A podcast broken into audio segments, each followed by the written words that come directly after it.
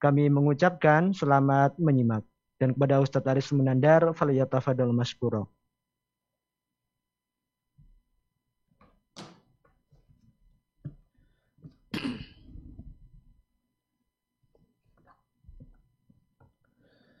Alhamdulillah wassalatu wassalamu ala rasulillah wa ala alihi wa sahbihi wa man tabi'ahum bi ihsanin ila yaumidin amma ba'd kaum muslimin dan muslimah rahimani wa rahimakumullah.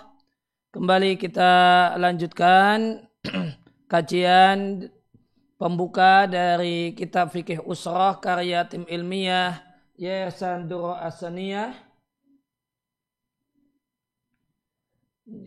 Dalam kesempatan kali ini kita sampai di pembahasan tentang bagaimanakah jika ijab dan kabul itu ada pada satu orang. Jadi pelaku ijabnya sekaligus pelaku kabulnya. Ya, jadi walinya sekaligus wali sekaligus menjadi pengantin laki-laki.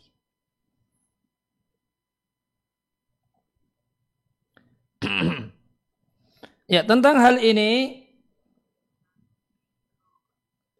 yang akidu al-ijab wal qabulu min saksin wahidin maka ijab dan kabul yang dilakukan oleh satu orang itu sah. Fi suarin bi'ainiha dalam sejumlah kasus tertentu. Demikian ditegaskan oleh para ulama fikih. Nah apa itu kasus tertentu yang di dalamnya ijab dan kabul itu hukumnya sah yang pertama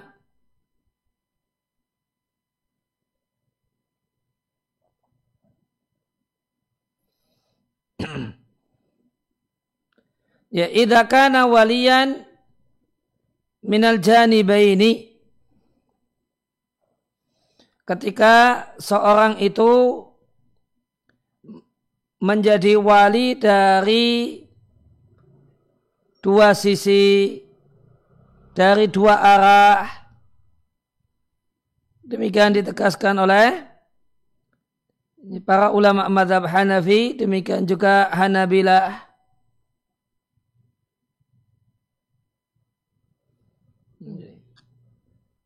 Uh, para ulama madhab syafi'i menyampaikan contohnya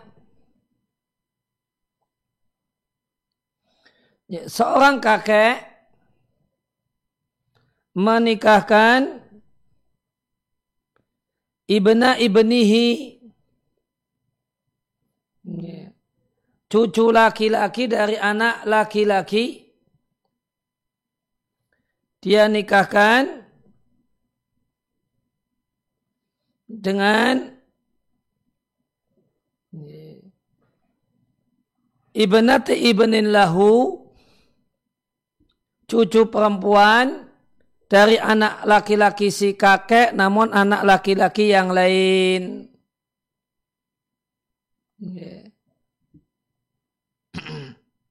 Ya, artinya itu sepupu. Ya.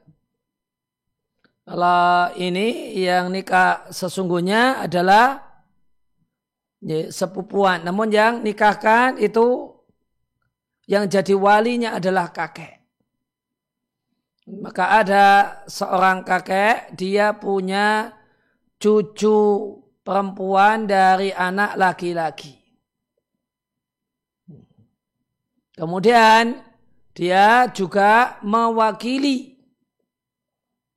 Dia juga mewakili cucu laki-laki dari anak laki-laki yang lainnya. Dia wakil dari pengantin laki-laki.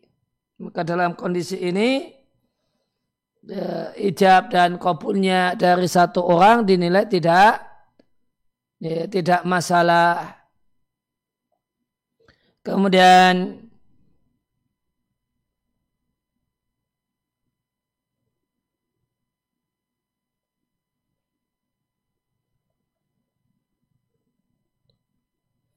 Ya, jika seorang itu menjadi wakil dari dua belah pihak, maka ini jelas. Dia wakil. Ya, dia mendapatkan mandat ya, dari pengantin laki-laki sekaligus, sekaligus mendapatkan mandat dari pihak pengantin perempuan.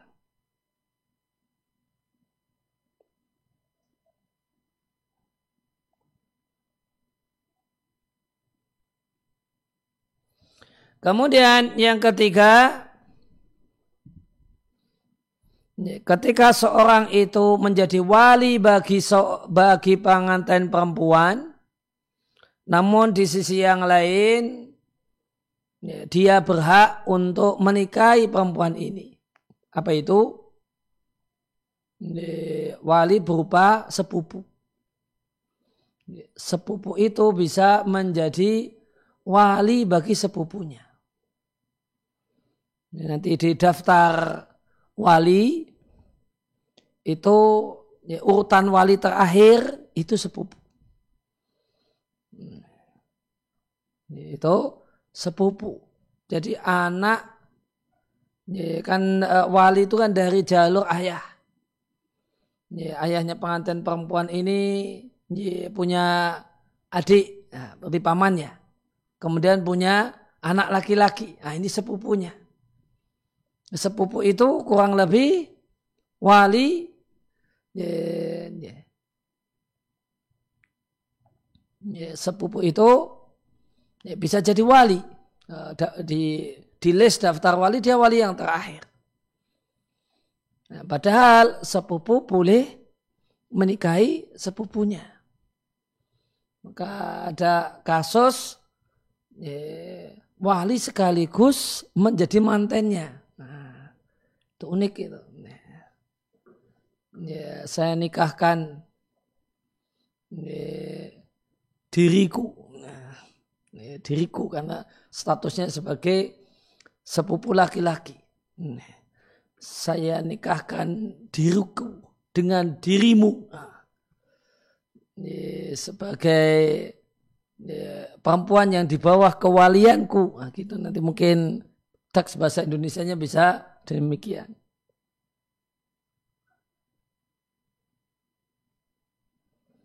Kemudian yang keempat,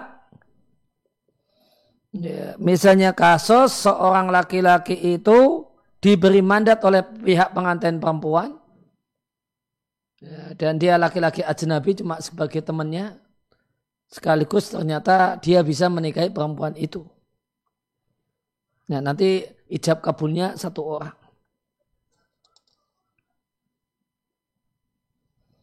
Kemudian jika dia wali dari satu yang kelima, jika dia adalah wali dari satu sisi, namun dia wakil dari pengantin laki-laki dari sisi yang lainnya. Nanti ijab dan kabulnya satu orang.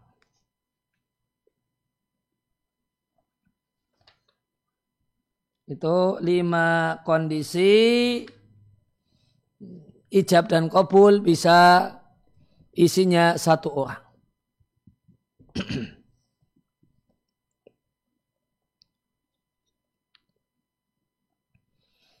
ya, kemudian Bapak dan Ibu sekalian, kaum muslimin dan muslimah rahimani wa rahimakumullah.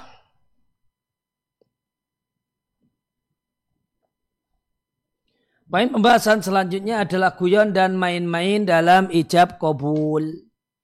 Sahkah guyon dan main-main tidak serius dalam ijab kabul. Obrolan guyon ya, seorang bapak yang punya anak perempuan ya, dan menikahkan dengan anak perempuannya dengan ya, dengan temannya. Yang akidul nikahu nikah itu sah. Dengan semata-mata terjadinya ijab dan kabul meskipun salah satu ijab atau kabulnya itu guyon dan main-main. Dan masa Allah sah ijab kabul yang salah satunya apalagi dua-duanya main-main itu sah dengan sepakat empat madhab. Madhab Hanafi, Maliki, Syafi dan Hanabilah. Kenapa demikian? Hal ini karena menunjukkan besar dan gawatnya akad nikah, maka dibuat ketentuan seperti ini agar manusia tidak main-main dengannya. Sehingga oleh karena itu guyon itu dijadikan seperti serius.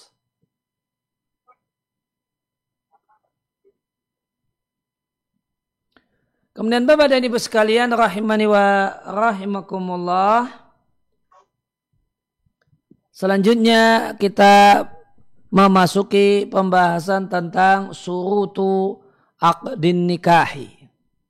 Syarat sah akad nikah. Syarat yang pertama ta'yinu zaujaini. Ketegasan siapa pengantin laki-laki dan pengantin perempuannya.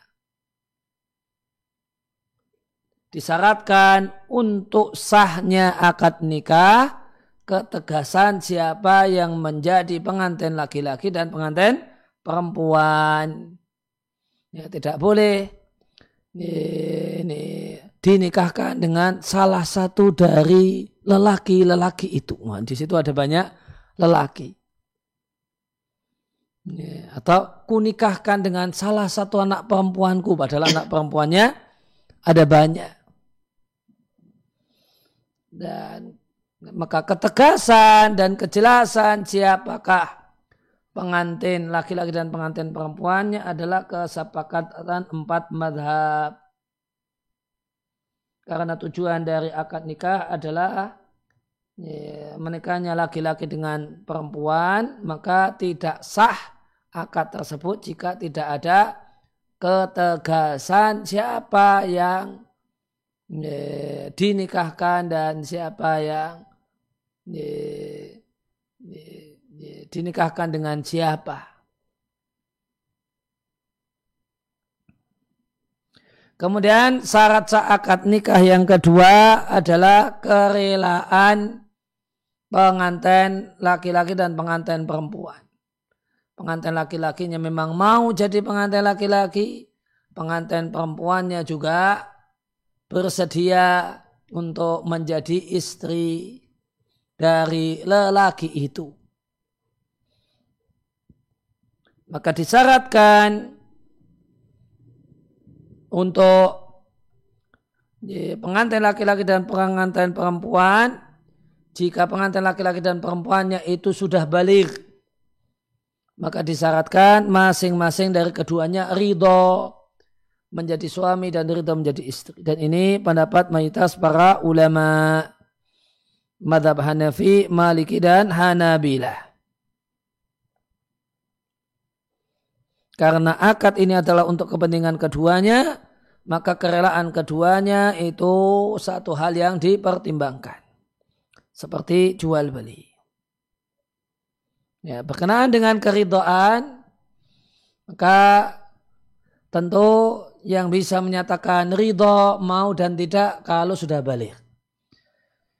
Gimana kalau belum balik? Eh, perempuannya ini masih ya ini meskipun ini ya kalau di tempat kita realitanya ini ya, teori ya ini kira-kira ya, seandainya kira-kira eh, pengantin perempuannya itu anak TK gitu misalnya. Bisa tidak dinikahkan. Ya, maka ada pembahasan tentang menikahkan anak yang masih kecil. Ya. Seorang ayah boleh menikahkan anak laki-lakinya yang masih kecil. Anak laki-lakinya anak menikahkan anak laki-lakinya. Jadi pengantin laki-lakinya masih kecil, masih SD misalnya. Ya, bisakah dia jadi pengantin laki-laki? Ya, jawabannya ayah bisa menikahkan anak laki-lakinya masih kecil. Ya, karena anak laki-laki sekarang sudah ini ya, pernah ada orang cerita kalau di kampungnya dia kaget sok karena anak kecil umur SD itu uh, apa? Bikin uh, ini ada orang cerita ke saya.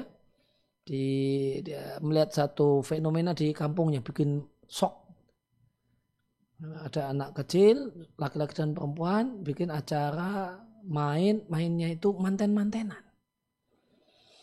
Jadi nanti ada yang yang perempuan kemudian ada yang laki-laki. Di acara manten-manten seorang seakan-akan manten dan maaf-maaf ya kemudian ada acara yang laki-laki itu menindih yang perempuan. Sok gitu. Ini kalau mungkin ini kalau ditanyakan pakai sudut pandang fikih solusinya ya sudah itu di nikahkan aja itu yang ya, anak laki-laki yang sudah kenal itu.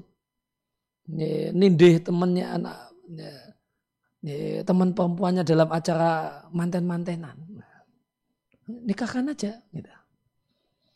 Ya, supaya ya, dia ya, ini dalam satu sisi ini tahu dan ya, seandainya itu macam-macam ya secara agama tidak dosa gitu dan bolehnya hal ini seorang laki-laki, seorang ayah menikahkan anak laki-lakinya yang belum balik itu boleh dengan sepakat empat madhab lu. Madhab Hanafi, Maliki, Syafi'i dan Hanabilah.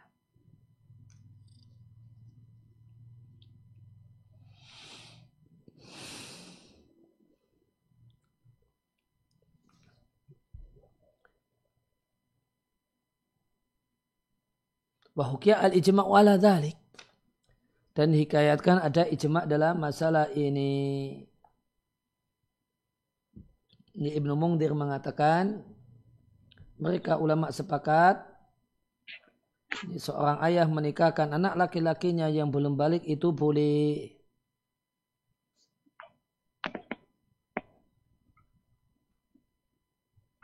Namun uh, nukilan ijma ini diselisih oleh ulama bernama Ibnu Sabrumah dan Ibnu Hazm.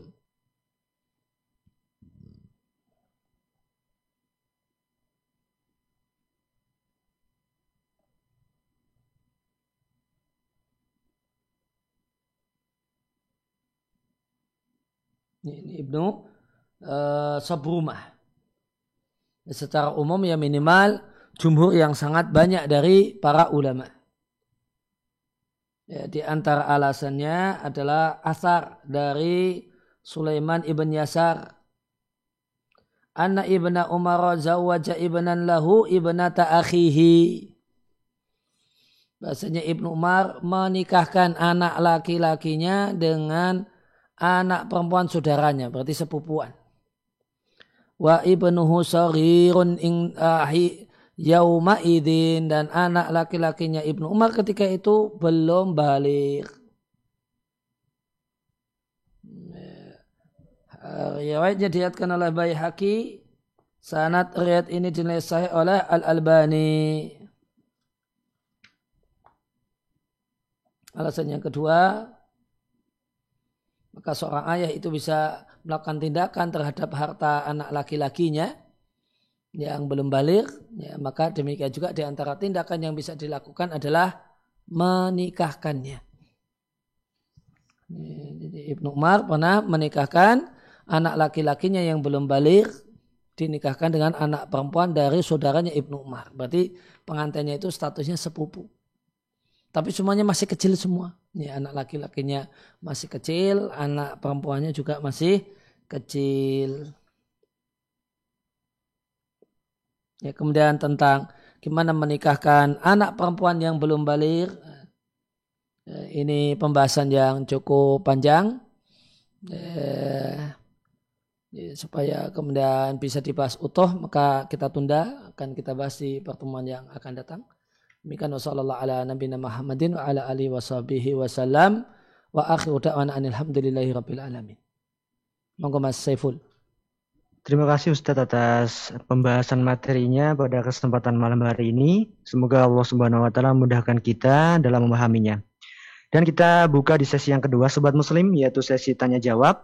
Yang mana Sobat Muslim dapat mengirimkan pertanyaan terkait tema yang dibahas pada malam hari ini ataupun juga terkait hukum keluarga dengan chat SMS ataupun WhatsApp di 0823 2727 5333 atau sobat muslim yang menyaksikan dan mengikuti lewat link Zoom, YouTube dan juga Facebook dapat menuliskan pertanyaan di kolom komentar.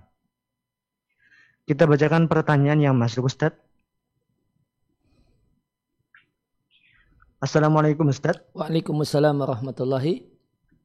Ustadz, belum lama ini ada seorang laki-laki yang menanyakan apakah saya sudah siap menikah ataukah belum melalui seorang melalui seorang perantara. Saya belum memberi jawaban pasti karena meskipun di satu sisi saya sudah butuh untuk menikah, akan tetapi saya selalu merasa minder karena kekurangan fisik yang saya miliki. Bagaimana cara saya menyikapi perasaan minder ini Ustadz? Saya sangat takut jika nantinya menjadi ujian bagi suami saya. Jazakumullah khairan. Satu hal yang wajib untuk disadari bahwasanya semua ciptaan Allah itu indah.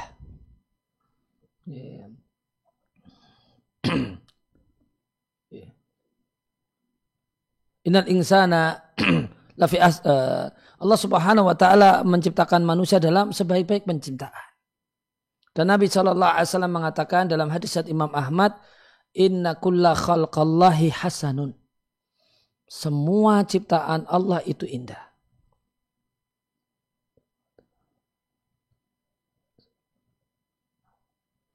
Sehingga eh, jangan minder dengan eh, dengan fisik yang Allah berikan.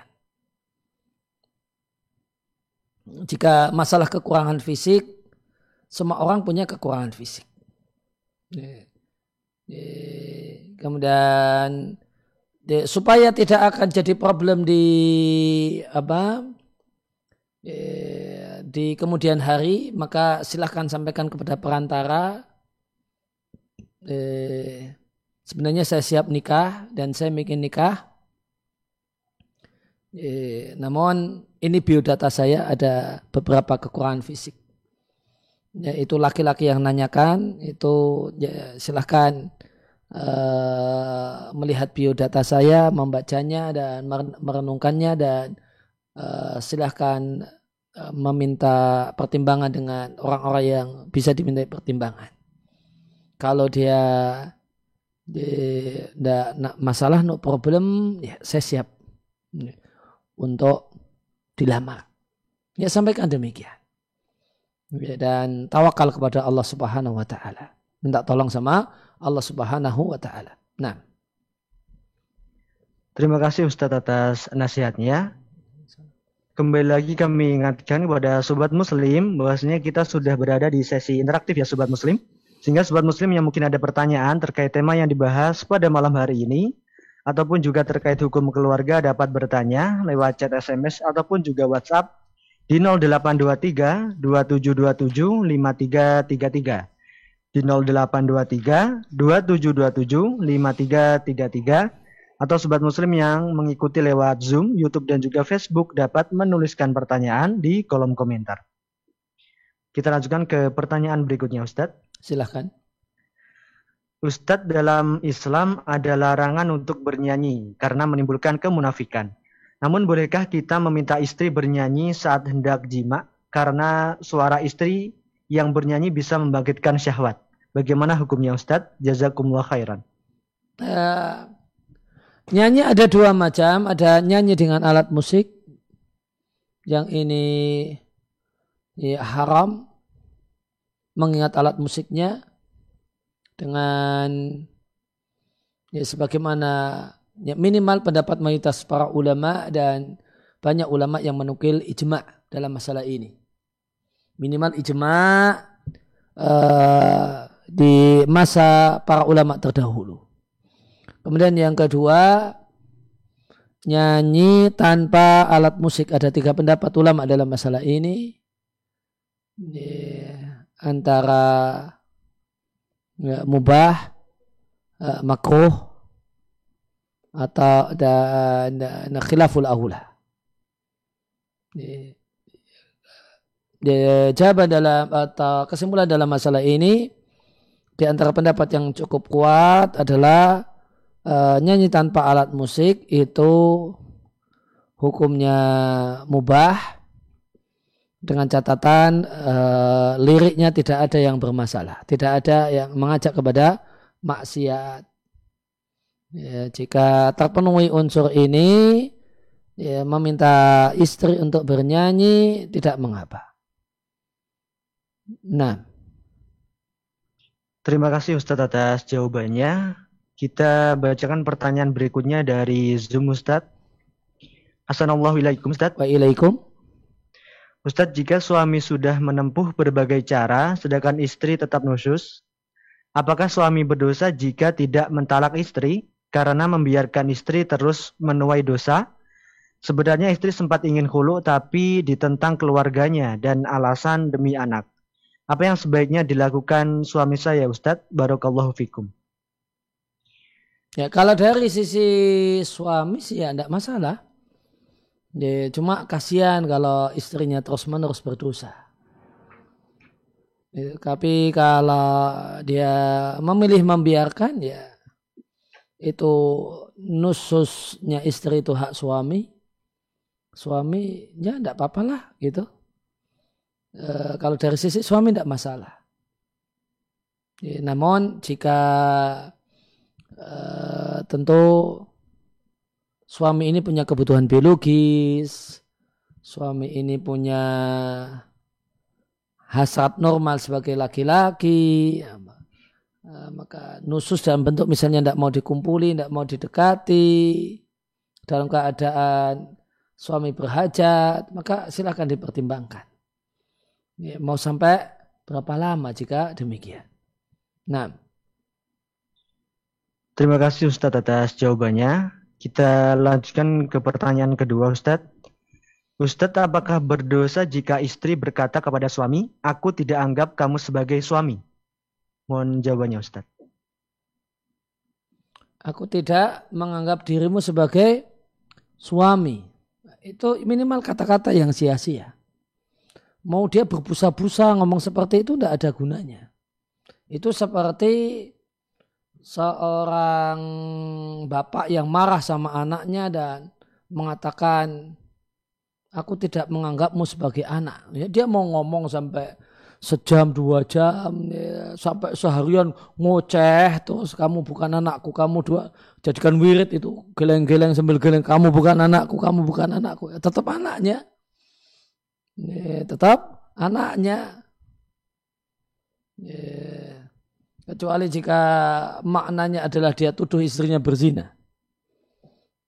Tapi jika ini kok ini kemudian sebel banget sama si anak sampai kemudian kamu bukan anakku. Ya, itu ya ada ada gunanya. Yang betul ya kamu anak durhaka misalnya. Itu memang anakku yang durhaka. Tetap anak gitu, namun durhaka. Yeah. Kalau istri seorang istri mengatakan uh, kepada suaminya, engkau saya anggap ya, bukan suamiku. Ya, tetap suaminya. Berlaku padanya hukum-hukum, berlaku pada si wanita ini kewajiban seorang istri terhadap suami. Tidak boleh nusus, tidak boleh ada kewajiban taat, kemudian pamit, minta izin ketika mau pergi dan sebagainya. Ya, mau berbusa-busa itu tidak menghilangkan kewajiban istri ini terhadap suaminya. Nah, Terima kasih Ustadz atas jawabannya. Kita lanjutkan ke pertanyaan berikutnya Ustadz. Ustadz, apakah paman kandung dari ibu kandung adalah mahram bagi saya? Jazakumullah khairan. Paman baik dari jalur bapak disebut amun atau dari dari jalur ibu disebut khalun ya, adalah mahram bagi seorang perempuan. Nah,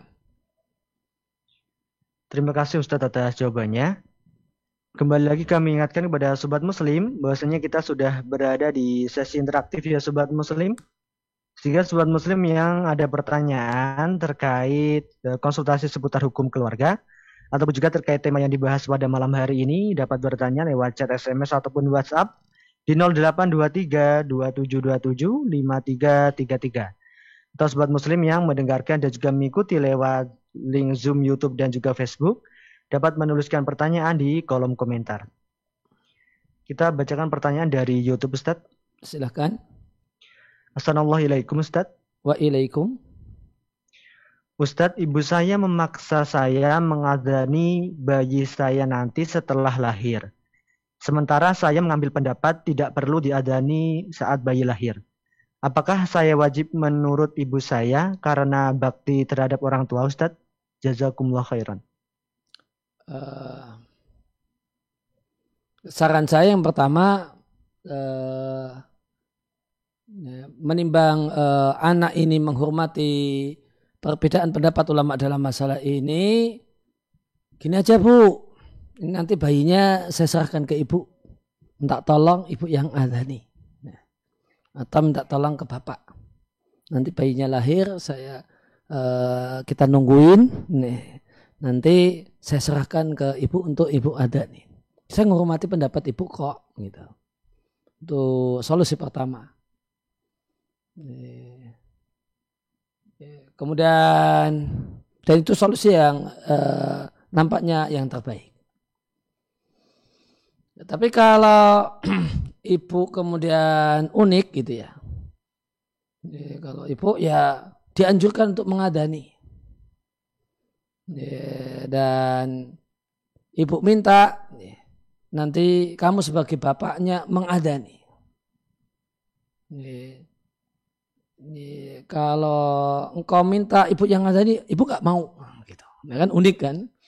Ibunya kan adzan di sini tidak harus uh, mungkin kemudian di, di, dialogkan adzan di sini tidak seperti adzan sholat kalau perempuan tidak boleh ibu boleh kok ada nih. Atau bapak yang ada nih gitu. Tapi kalau kemudian orang tua ini unik karena cuma ingin menonjolkan diktatornya saja nah, dan bahasanya dia bisa memaksa anak laki-lakinya Eh, maka saya sarankan karena menimbang ulama berselisih pendapat dan menghindari keributan dengan orang tua silahkan diadani saja. Di sini oleh karena itu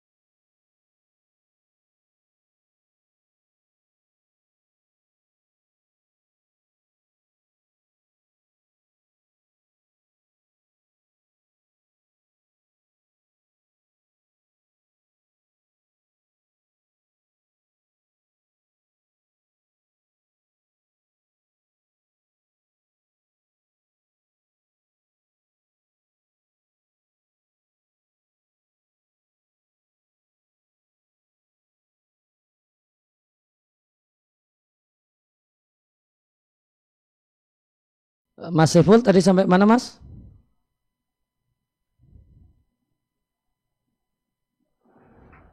Cek cek, nggak masuk itu suaranya. Uh, bagaimana Ustaz? Uh, tadi uh, sampai mana suara saya? Sampai sudah, di sudah selesai jawabannya. Sudah Ustaz. Sudah ya. Ya, silakan dilanjut. Nah, Ustaz, terima kasih atas jawabannya pada kesempatan kali ini. Kita akan lanjutkan ke pertanyaan berikutnya, Ustaz. Assalamualaikum Ustaz. Waalaikum. Ustadz, jika sudah menikah, sudah seperti mendoakan dan sholat dua rakaat sunnah, itu dikerjakan setelah akad langsung atau bisa dikerjakan setelah berdua masuk kamar. Kemudian sholat sunnah, jika dikerjakan di siang hari, apakah boleh menjaharkan sholatnya Ustadz? Jazakallahu khairan. Uh, itu dilakukan, uh, hal-hal uh, yang dianjurkan tadi dilakukan setelah uh, berdua di kamar. Yang boleh jadi kalau di Jogja ya gambarannya setelah resepsi selesai, kemudian keluarga pada pamitan pulang, kondisi rumah sudah sepi, ya, memungkinkan untuk uh, pergi ke kamar berdua. Kemudian jika sholat tersebut dikerjakan di siang hari, maka sifat sholat sunnah siang hari itu sir Sedangkan sifat sholat sunnah malam hari itu bisa jahar. Sebagaimana maghrib itu jahar, isya itu jahar. Demikian juga ya, subuh yang tergolong sholat di malam hari itu jahar. Nah. Terima kasih Ustadz atas jawabannya. Kita bacakan pertanyaan dari YouTube Ustadz. Ustadz izin bertanya, Eh, bolehkah ditalak jika seorang istri tidak menunaikan hak suaminya, sering main HP, tidak mengurus rumah, dan sudah dinasihati beberapa kali tetapi masih tidak berubah? Mohon nasihatnya Ustaz.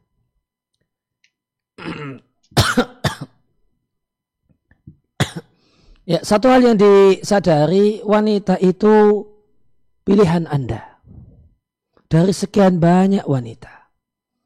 Dan Anda wahai suami menjatuhkan pilihan kepadanya melalui proses yang panjang.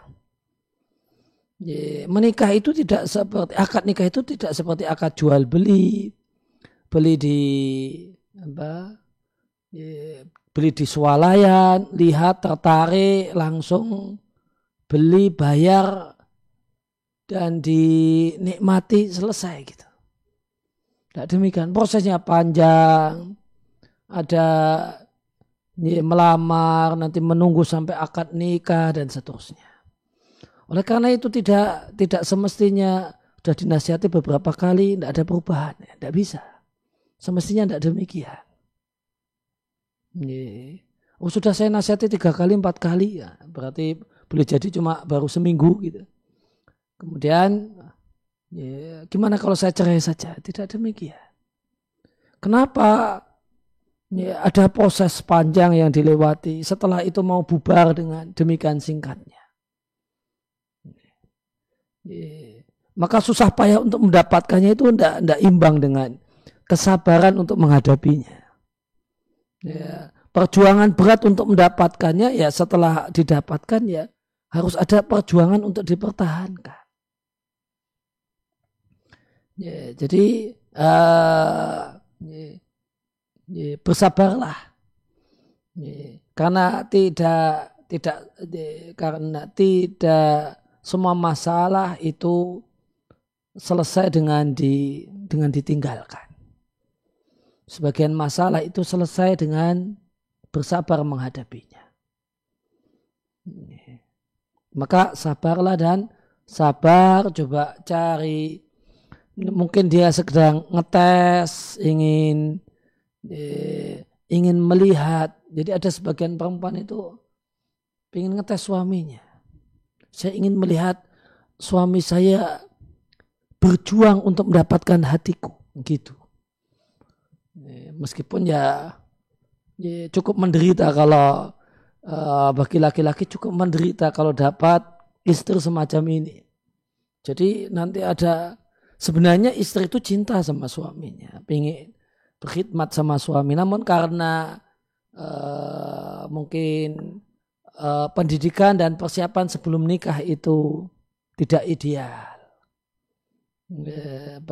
bukan wanita yang mendapatkan pendidikan agama yang baik sebagai persiapan sebelum menikah. Ya, mungkin ya ya muslimah umum belum ngaji gitu. Itu ada ada ada terkadang ada namanya itu. Saya ingin melihat suami saya berjuang untuk mengambil hatiku. Padahal sebenarnya dia senang juga. Cuma pingin lihat suaminya itu pontang panting gitu loh. Eh, dia eh, kalau memang suami saya itu cinta denganku kan kamu cinta lautan luaskan ku seberangi. Ya. Gunung tinggi kan ku daki. Nah saya mau lihat itu. Dia mendaki kesusahan. Untuk sampai ke puncak gunung cinta. Nih, cintaku itu bisa enggak gitu. Sebagian perempuan demikian tes. Ya boleh jadi demikian keadaannya. Jangan terburu-buru. Boleh jadi seperti ketemu perempuan dengan model semacam ini. Meskipun ya nasihat untuk perempuan dengan model ini ya itu e, kalau mau dalam tanda kutip ngerjain suami ya jangan banget banget lah. Gitu. Kalau udah cukup susah payah suami sampai bolak balik muring-muring marah-marah sudahlah itu dalam sandiwara dalam tanda kutipnya itu segera di, di segera di, di diakhiri gitu jangan. Dia, jangan kemudian sandiwara untuk ingin ngetes suami itu di, di diperlama jangan. Itu nanti cinta berubah jadi benci. Kenapa? Merasa bertepuk sebelah tangan. Merasa gayung itu tidak bersambut. Itu sakit hati itu. Ya merasa bertepuk sebelah tangan itu sakit hati dan perlu di Eh, diingat bahasanya cinta itu seperti iman, bisa bertambah, bisa berkurang, bisa subur, bisa layu, bisa mati. Jadi ngetesnya jangan uh, jangan macem-macem dan jangan lama-lama gitu. Nah, terima kasih Ustadz atas jawabannya. Kembali lagi kami ingatkan kepada sobat muslim, bahasanya kita sudah berada di sesi interaktif ya sobat muslim. Sehingga sobat muslim yang ada pertanyaan terkait tema yang dibahas pada malam hari ini, atau juga terkait hukum keluarga dan lain sebagainya, dapat bertanya lewat chat SMS dan juga WhatsApp di 0823 2727 5333. Atau sobat muslim yang mengikuti lewat Zoom, YouTube dan juga Facebook dapat menuliskan pertanyaan di kolom komentar. Kita bacakan pertanyaan berikutnya Ustadz. Assalamualaikum Ustadz. Waalaikumsalam warahmatullahi. Ustadz izin bertanya, apakah ada ketentuan khusus dalam hal memberikan cincin kepada calon pasangan kita? Calon... Apakah ketika Ini melamar, pertanyaannya laki-laki atau perempuan? Ini laki-laki Ustadz. Hmm. Apakah ketika melamar atau boleh sesudah akad nikah? Jazakallah khairan Ustadz. Uh, Tergantung cincinnya itu statusnya hadiah atau mahar. Kalau cincin itu statusnya hadiah, ya terserah. Kalau cincin itu statusnya mahar, ya mahar itu bisa ditaruh di depan, sebelum akad nikah sudah diserahkan, pada bisa pada saat nikah dan bisa di, di belakang setelah akad nikah. Nah, Terima kasih Ustadz atas jawabannya. Kita lanjutkan ke pertanyaan berikutnya Ustadz dari link Zoom. Assalamualaikum Ustadz. Waalaikumsalam warahmatullahi. Uh, Ustadz, Alhamdulillah saya seorang pria yang sudah mengenal manhaj salaf. Dan saat ini masih bekerja di lembaga pendidikan yang jauh dari sunnah. Saat ini ingin menikahi wanita yang dikenal pada saat kuliah dulu, yang telah belajar di suatu mahat dan juga berasal dari keluarga yang sudah mengenal sunnah.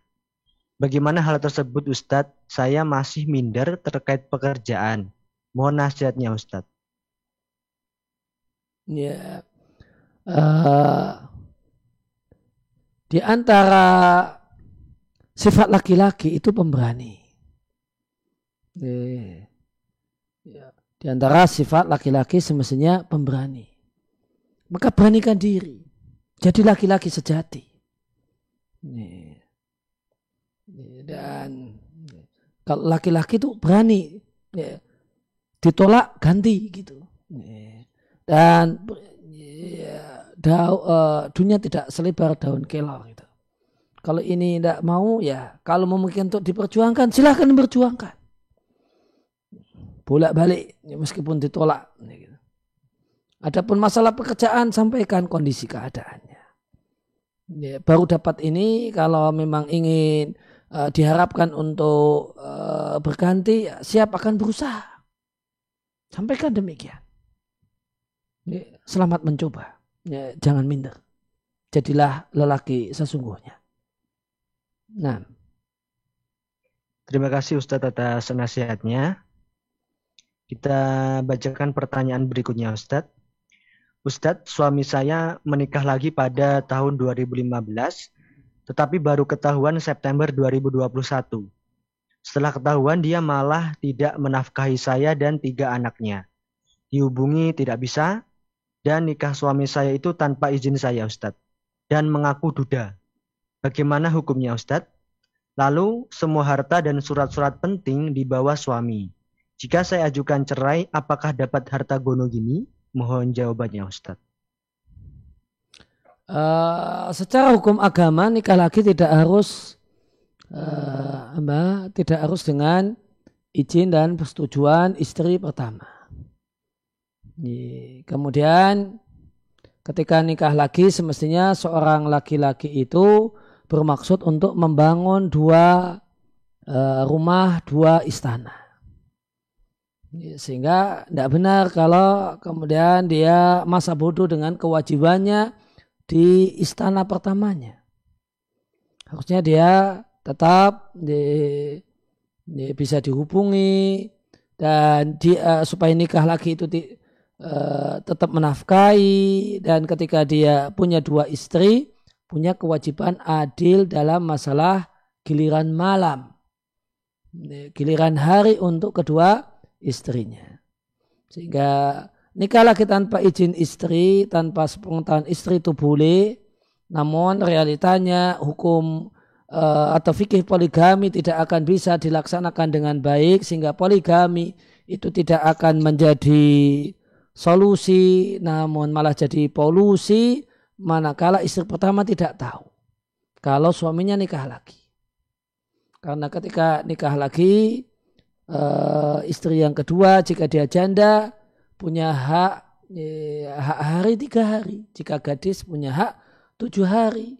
Nah ini tidak bisa dilakukan tanpa sepengetahuan istri yang pertama. Ya, itu kemudian kalau mau mengajukan gugat cerai dengan alasan ya dengan alasan e, tidak dinafkahi dan memang tidak dinafkahi maka itu alasan yang dibenarkan untuk melakukan gugat cerai dan alasan yang kuat jika itu dibawa ke PA atau pengadilan agama. Namun kemudian tentang harta gono gini dalam ketentuan Islam ya, harta gono gini itu ya, perlu dirinci. Jika ada usaha bersama suami istri kemudian punya uh, kerja bareng satu toko, satu usaha bersama. Dan kemarin tidak diketahui uh, setoran modal itu berapa gitu karena suami istri ya longgar.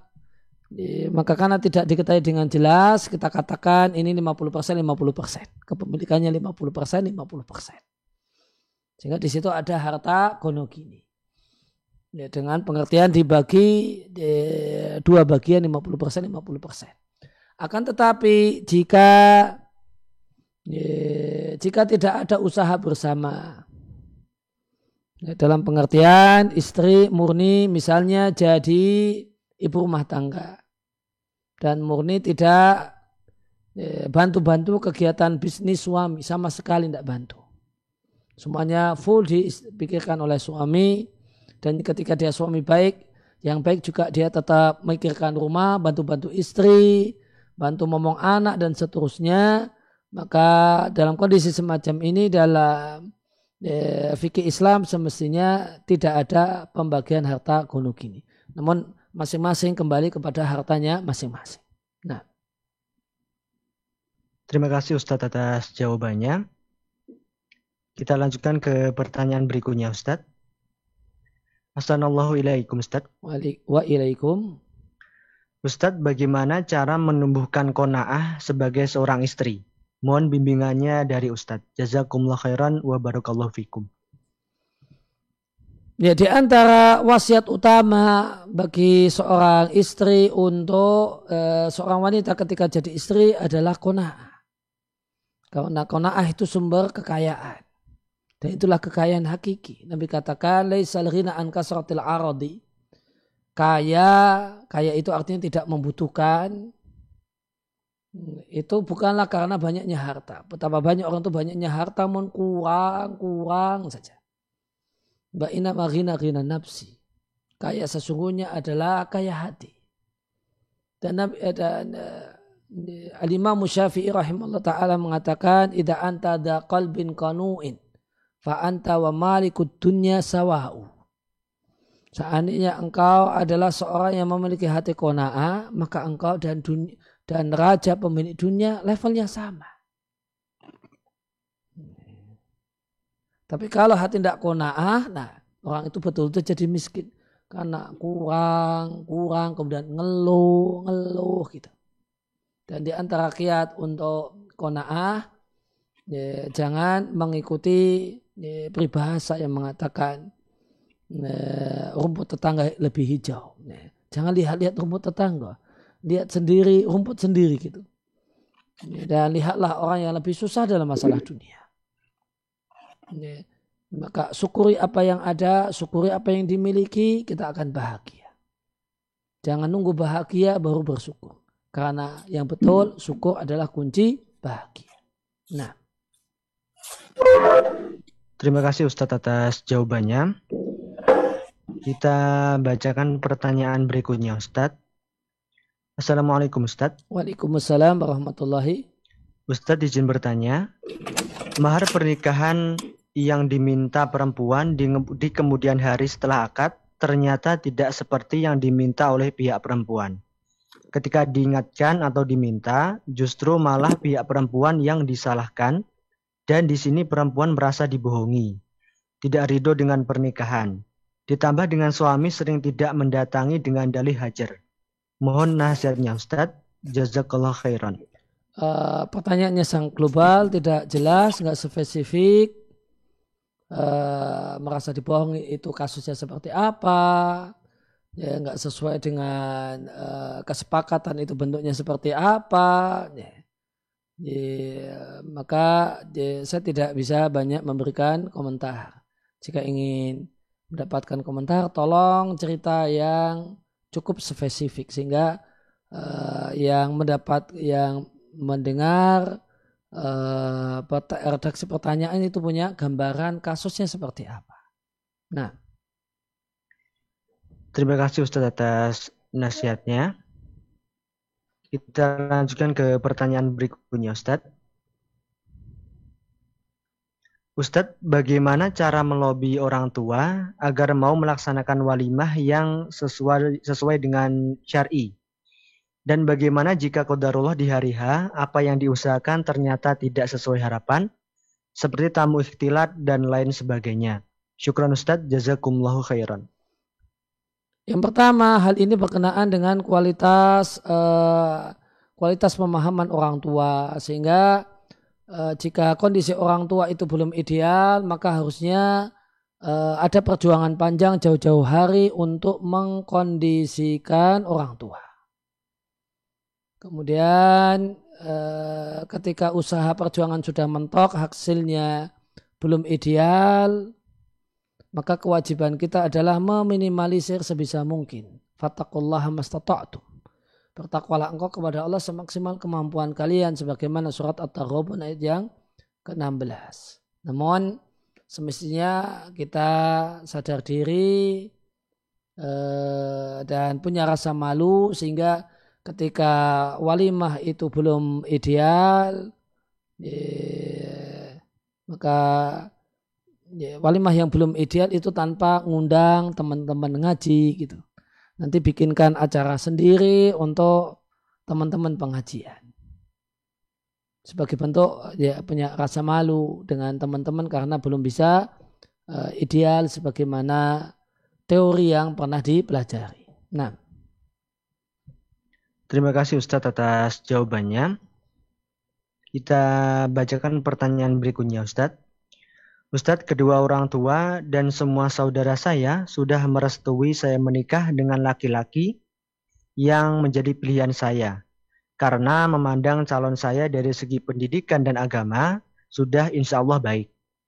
Namun ada orang lain yang merupakan kepercayaan kakak saya dan dipercaya beliau memiliki silsilah dengan ulama atau kiai. Beliau menegaskan melarang saya untuk menikah dengan calon saya tersebut dikarenakan hanya dengan melihat namanya saja beliau berkata takdir saya bukan dengan calon tersebut melainkan apabila dilanjutkan ke pernikahan hanya bisa bertahan enam bulan lalu cerai. Apakah benar seorang ulama atau kiai bisa mengetahui takdir seseorang dan beliau menyarankan untuk puasa tiga hari berturut-turut sedangkan saya hanya manusia biasa Ustadz. Mohon uh, nasihatnya Ustadz. Nasihat saya itu dukun. Jangan dianggap uh, ang, uh, anggap saja angin lalu. silahkan lanjutkan apa yang sudah ini dan jangan hiraukan dia. Jangan hiraukan uh, orang tersebut. Bismillah, tawakal, alallahi. Dan nikahnya nggak usah ngomong-ngomong sama itu. Ya, usah ngomong-ngomong sama itu, pesan sama kakak, nah, jangan uh, kasih tahu itu dan uh, biarkan saya mantap dengan pilihan saya yang saya yakin itu pilihan Allah Subhanahu wa taala karena ini juga hasil istikharah dan hasil musyawarah dengan orang tua. Nah. Terima kasih Ustadz atas jawabannya. Kita akan bacakan satu pertanyaan terakhir Ustadz pada malam hari ini karena mungkin keterbatasan waktu Ustadz. Ustadz, bila kita sudah nazar dan ternyata wajah si wanita tidak asrak dan hendak menolak, bagaimanakah menolak yang baik Ustadz? Dan salahkah tindakan saya Ustadz? Mohon nasihatnya. Eh, menolak yang baik di, adalah dengan tidak menyakiti. Ya, tidak menyakiti. Katakan mungkin misalnya lewat perantara, setelah lihat sepertinya hati kok belum klik gitu.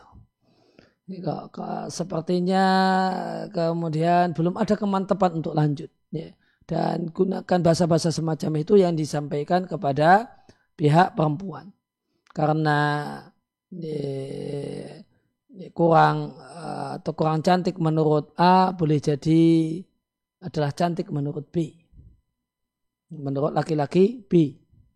Kemudian eh, satu hal yang patut untuk disadari oleh eh, oleh masing-masing pihak bahasanya nador itu belum belum sekian persen gitu. Masih nol persen. Gitu. Artinya peluang untuk tidak jadi itu sangat besar. Ya, sebagaimana Nabi menador uh, wanita yang menghibahkan dirinya kepada Nabi, kemudian Nabi tidak jadi. Ya, maka wanita ya, ini pun tidak wanita tersebut dalam kisah hadis di atas tidak masalah. Ya, setelah dinador kemudian tidak jadi. Dia ya bisa saja kemudian bisa-bisa saja nyaman-nyaman saja nikah dengan sahabat yang lain tidak merasa oh saya bekas nador gitu enggak sudah setengah second karena sudah dinador tidak demikian hilangkan perasaan-perasaan demikian karena perasaan-perasaan yang uh, tidak benar dan cenderung uh, uh, karena terlalu baper dan uh, terlalu uh, larut dengan perasaan. Mau sadari bahasanya nador itu belum ini, belum ada persen-persenan menuju pernikahan. Itu statusnya tetap 0%. Bahkan sudah khidbah itu juga statusnya masih 0%. Belum ada sekian persen uh, sudah jadi calon istri atau calon suami. Dan ya, ya dengan seiring berdoa kepada Allah Subhanahu wa taala agar Allah Subhanahu wa taala gantikan kepada untuk wanita tersebut yang tidak jadi uh, menuju ke step berikutnya ganti yang lebih baik. Dan kita doakan agar laki-laki ini ya, mendapatkan apa yang diharapkan atau ya apa yang diinginkan dan diharapkan. Semoga Allah memberikan kemudahan kepada semua pihak dan demikian yang bisa disampaikan dalam kesempatan kali ini. Mudah-mudahan pertemuan kita di kelas virtual ini Allah jadikan sebagai amal ibadah, amal soleh untuk semua yang hadir di kelas virtual ini amal pemberat timbangan kebajikan kita di hari tidaklah bermanfaat harta dan anak kecuali orang yang menghadap Allah dengan hati yang bersih dan amal soleh. Dan kami ucapkan ya, terima kasih sedalam-dalamnya kepada kru Radio Muslim, Haku TV dan semua pihak yang ikut merilai acara ini. Jazakumullahu khairan. Terima kasih atas segala perhatian. Mohon maaf atas segala kekurangan. Wassalamualaikum warahmatullahi wabarakatuh wa akhiru da'wana alhamdulillahi rabbil alamin. Wassalamualaikum warahmatullahi wabarakatuh